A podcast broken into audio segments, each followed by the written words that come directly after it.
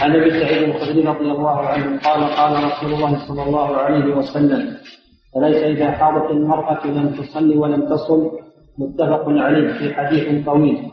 وعن عائشة رضي الله تعالى عنها قالت لما جئنا سرف سرف خفت فقال النبي صلى الله عليه وسلم افعلي ما يفعل الحاج غير أن لا تطوفي بالبيت حتى تطهري متفق عليه في حديث طويل. وعن معاذ بن جبل رضي الله تعالى عنه أنه سأل النبي صلى الله عليه وسلم ما يحل للرجل من امرأته وهي حائض؟ فقال ما فوق الازار رواه أبو داود مضاعفة. وعن أم سلمة رضي الله عنها قالت كانت النفساء تخرج على عهد النبي صلى الله عليه وسلم بعد نفاسها أربعين يوما. رواه الخمسة إلا النسائي واللفظ لأبي داود. وفي لفظ له ولم يأمرها النبي صلى الله عليه وسلم بقضاء صلاة النفساء وصححه الحاكم. بسم الله الرحمن الرحيم. الحمد لله رب العالمين. صلى الله وسلم على نبينا محمد على آله وصحبه. هذه الأحاديث في بقية باب الحيض. عن أبي سعيد رضي الله عنه أن النبي صلى الله عليه وسلم قال أليس إذا حاضت المرأة تدع الصلاة والصيام؟ متفق عليه حديث طويل. هذا الحديث له أصل وهو أن النبي صلى الله عليه وسلم وصف النساء بأنهن ناقصات عقل ودين. فقالت امرأة ولم يا رسول الله؟ وبين صلى الله عليه وسلم نقصان عقلها بأن شهادة المرأتين عن شهادة رجل واحد فهذا من نقصان عقلها. وبين نقصان دينها في أنها تجلس شطر عمرها لا تصوم ولا تصلي وذلك في الحيض والنفاس. قال صلى الله عليه وسلم أليست إذا حاضت تدع الصلاة والصيام أو لا تصوم ولا تصلي؟ فقوله أليست هذا استفهام تقرير استفهام تقرير منه صلى الله عليه وسلم. في أن المرأة في وقت حيضها تدع الصلاة وتدع الصيام وهذا نقص في الدين لكنها لا تؤاخذ عليه ولا تأثم عليه لأنه ليس باختيارها. لكن على كل حال هي أنقص من الرجل الذي يصلي دائما ويصوم دائما. لا يدع الصلاة ولا يدع الصيام هي أنقص. لكن المؤلف رحمه الله أورده هنا في باب الحيض والأحاديث التي بعده لبيان أحكام الحائض والنفس. بيان الأحكام التي تختص بها الحائض والنفساء ففي هذا الحديث ذكر حكمين. الحكم الأول أنها تدع الصلاة لا تجب عليها الصلاة في وقت الحيض ولا يجوز لها أن تصلي لأنها لم تؤمر بذلك. الحكم الثاني أنها تدع الصيام في رمضان ولا يصح منها الصيام ولا يجوز أن تصوم وهي حائض لأنها غير مكلفة بذلك. ولكن عليها أن تقضي أن تقضي الصيام. من أيام أخرى. خلاف الصلاة فإنها لا تقضيها. إذا الصلاة لا تجب على الحائض لا أداء ولا قضاء. أما الصيام فإنه لا يجب على الحائض أداء ولكن يجب عليها قضاء. هكذا سنة النبي صلى الله عليه وسلم. والحكمة في ذلك والله أعلم أن الصلاة تتكرر اليوم والليلة فلو أمرت بقضائها شق عليها ذلك. خلاف الصيام إنه لا يتكرر ولا يصعب عليها القضاء إذا صادف أيام حيضها لا يصعب عليها أن والدين جاء برفع الحرج دفع المشقة. ولهذا لما سألت امرأة أم المؤمنين عائشة رضي الله عنها فقالت ما بال الحائض تقضي الصيام ولا تقضي الصلاة؟ قالت لها أم المؤمنين أحرورية أنت؟ حرورية يعني من الخوارج لأن الخوارج يقال لهم الحرورية لأنهم هم الذين يسألون مثل هذه الأسئلة المتكلفة. قالت لا ولكني أسأل. فقالت لها كنا نؤمر بقضاء الصيام دون قضاء الصلاة. المسألة مسألة اتباع واقتداء أي مسألة عقل. إنما هي مسألة اتباع واقتداء ولم تؤمر الحائض بقضاء الصلاة وإنما أمرت بقضاء الصيام وهذا تخفيف من الله سبحانه وتعالى. فدل هذا الحديث على أن الحائض تدع الصلاة وتدع الصيام أيام حيضها. لكن الصلاة لا تقضى وأما الصيام فإنه يقضى بدليل حديث آخر بدليل حديث آخر. وعن عائشة رضي الله عنها قالت ولما جئنا شرف حفت فقال النبي صلى الله عليه وسلم افعلي ما يفعل الحاج غير أن لا تطوفي بالبيت حتى تطهري. متفق عليه من حديث طويل.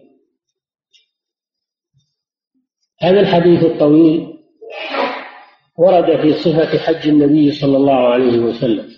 حجة الوداع. في سياق حجة النبي صلى الله عليه وسلم والمصنف أخذ منه محل الشاهد للباب.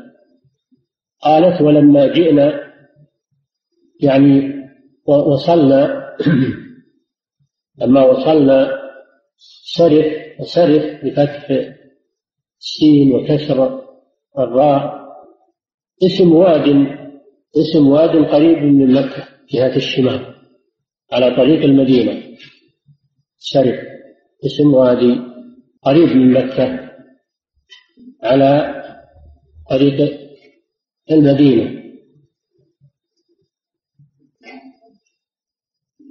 حفظت أي أصابها الخير وكانت محرمة كانت محرمة مع النبي صلى الله عليه وسلم من ذي الحليفة.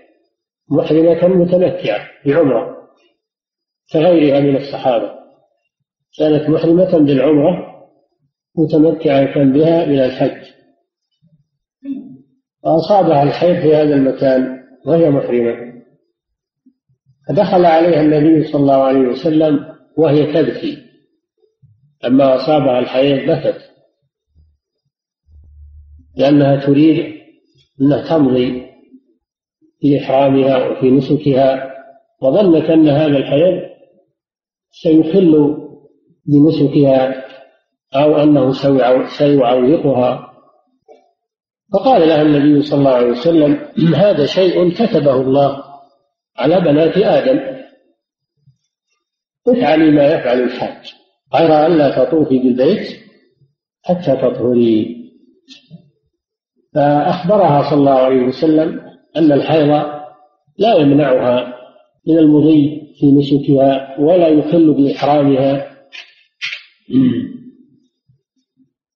وأنها تفعل ما يفعل الحجاج من المناسك من الوقوف بعرفة والمبيت في مزدلفة ورمي الجمار والمبيت في منى إلا الطواف بالبيت فإنها تمتنع منه. حتى تطهر منه تغتسل. فدل هذا الحديث على مسائل. المسألة الأولى أنه لا يشترط الطهارة للإحرام. لا تشترط الطهارة للإحرام. فيصح أن يحرم الإنسان وهو على غير طهارة. يعقد النية للإحرام وهو على غير طهارة. ولكن من الأفضل من الأفضل أن يكون على طهارة إذا أمكن.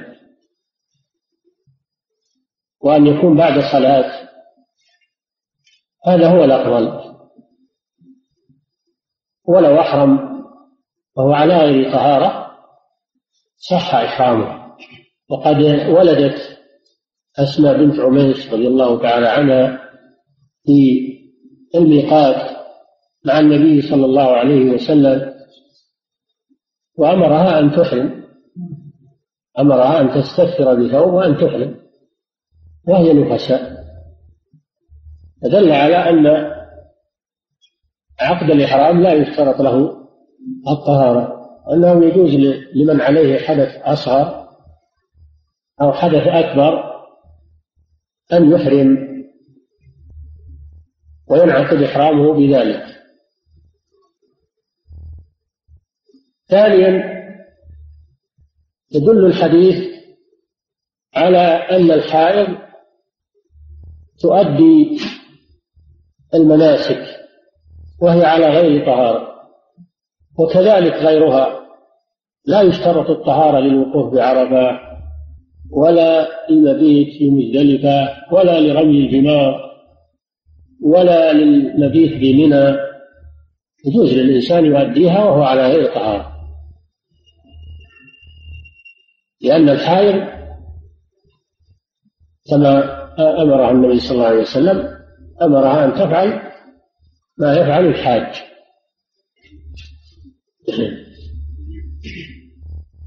المسألة الثالثة فيه دليل على منع الحائض من الطواف.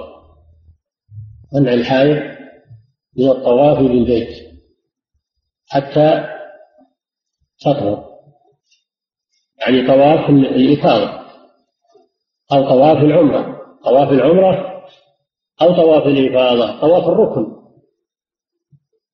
أما طواف الوداع فإنه يسقط عن الحائض. طواف الوداع يسقط عن الحائض.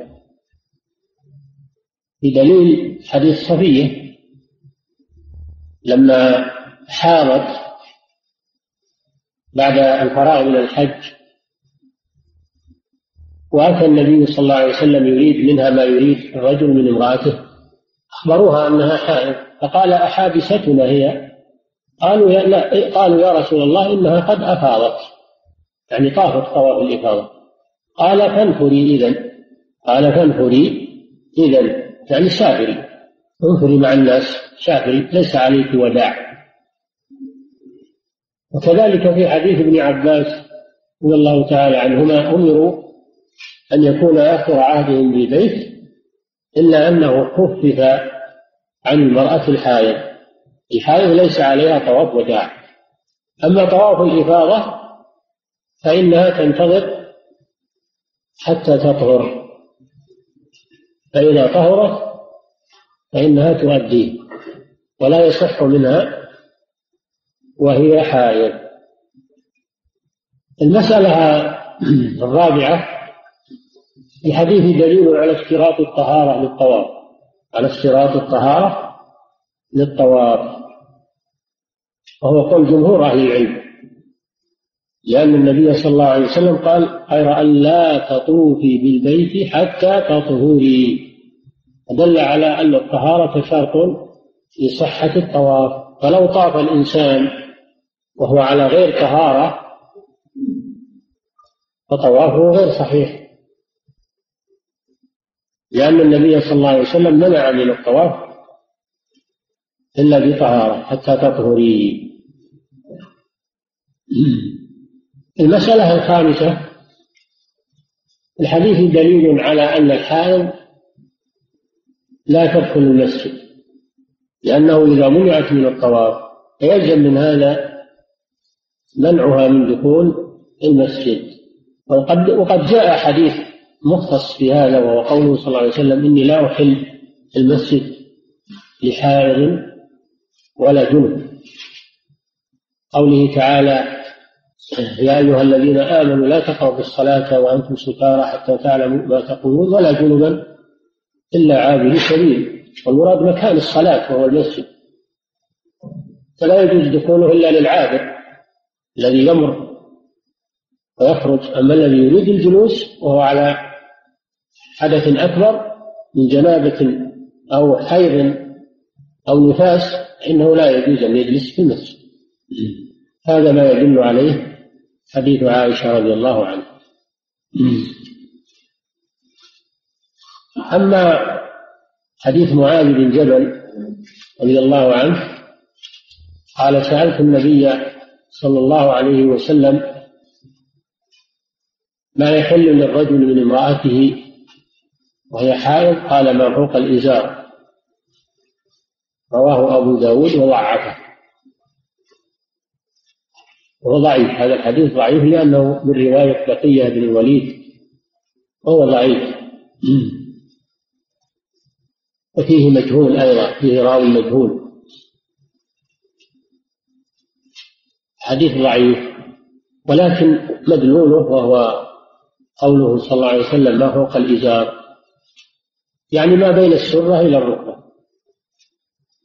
فيحل للرجل من الحائض من زوجته الحائض ما فوق السرة.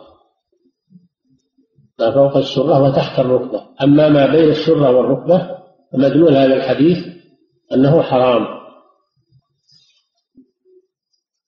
وكان النبي صلى الله عليه وسلم يأمر عائشة وهي فتتزل فيباشرها. ولكن الله جل وعلا يقول اعتزل النساء في المحيط. في المحيط يعني مخرج الحيض وهو الفرج. ومفهوم الآية أن ما عدا الفرج هو حلال. وكذلك الحديث الذي مرنا وهو قوله صلى الله عليه وسلم اصنعوا كل شيء إلا النكاح.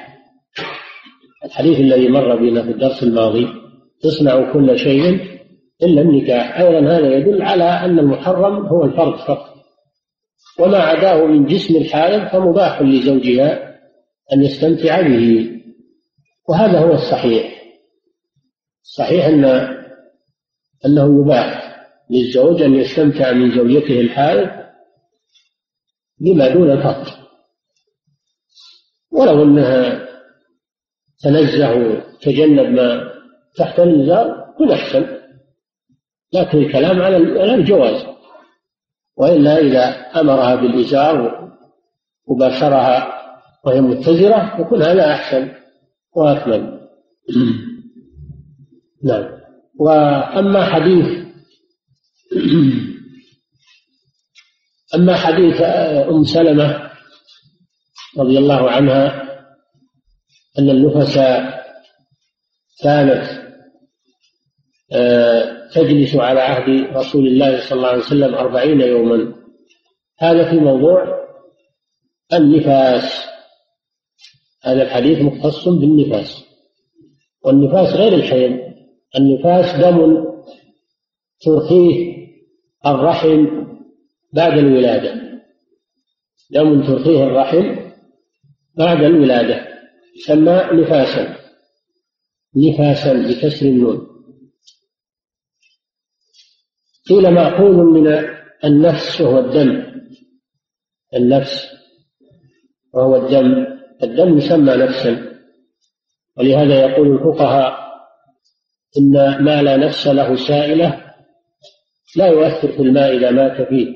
يعني ما ليس له دم ما ليس له دم. فالنفاس مأخوذ من النفس وهو الدم. وقيل مأخوذ من التنفس وهو الخروج. مأخوذ من التنفس وهو الخروج لأن الدم يخرج بعد الولادة من الرحم.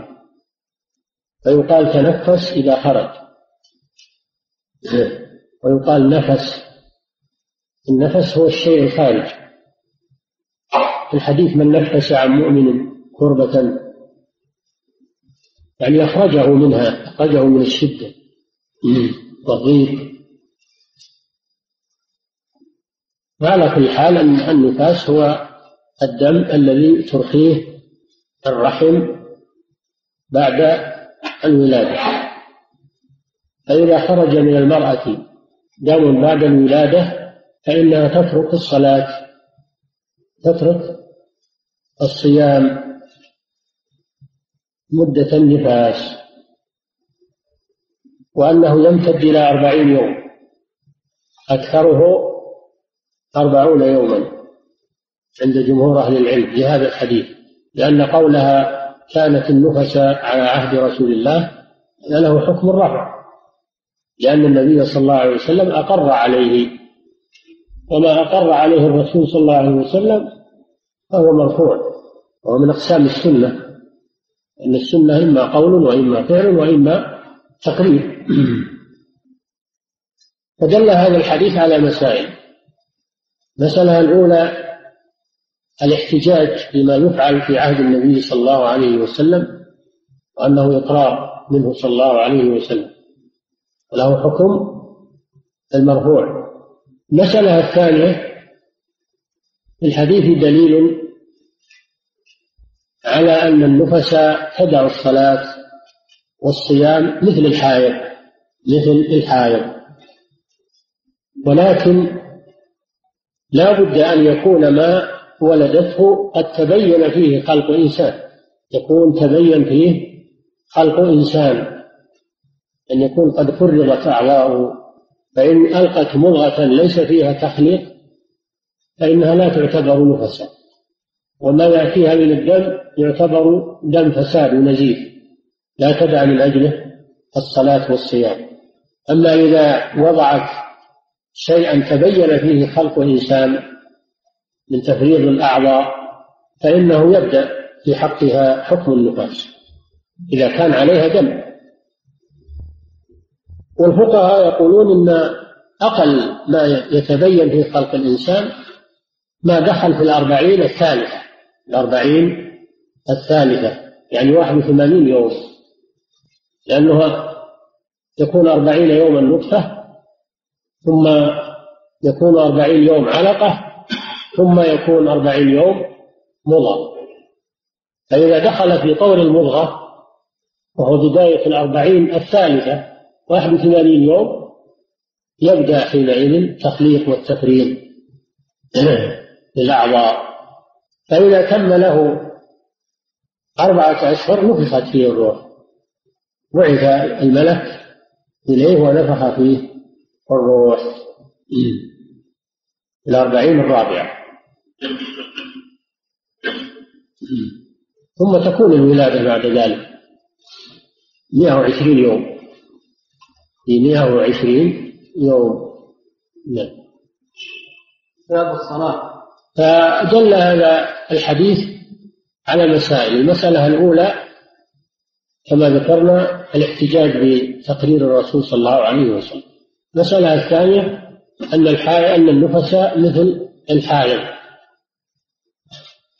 أن النفس مثل الحائض تدع الصلاة والصيام ولا يجوز لزوجها أن يجامعها ويجوز أن يستمتع منها بما دون الجماع مثل الحائض كما نقول. ولا يجوز لها اللبث في المسجد ولا يجوز لها قراءة القرآن ولا مس مصحف. أحكامها أحكام ولا يجوز ولا يجوز أن تطلق وهي حائض. كل هذا لا يجوز في حقه فهي مثل الحائض في الأحكام. تماما. المسألة الثالثة الحديث دليل على أن أكثر مدة النفاس أربعون يوما. فإذا تمت الأربعين فإنه يجب عليها الاغتسال ولو لم ينقطع الدم عند جمهور أهل العلم يجب عليها الاغتسال. آخر حد هو أربعون يوما لهذا الحديث. نعم. كتاب الصلاة. باب المواقيت. أما لو أما لو لم يأتها دم النفس بعد الولادة ما جاءها دم فإنها طاهرة تصلي تصوم يجب عليها الصلاة يجب عليها الصيام إذا ما حصل معها دم بعد الولادة. وكذلك لو حصل معها دم ولكن انقطع قبل الأربعين فإنها أيضا تغتسل وتصوم وتصلي. فإن عاد الدم في الأربعين تجلس يعتبر النفاس متقطع. وإن لم يعد فإنها تستمر طاهرة وتصوم وتصلي. المدار على وجود الدم وعدم الدم. إن وجد الدم في الأربعين فإنها تجلس. وإن لم يوجد أصلا فإنها تصوم وتصلي. أو وجد وانقطع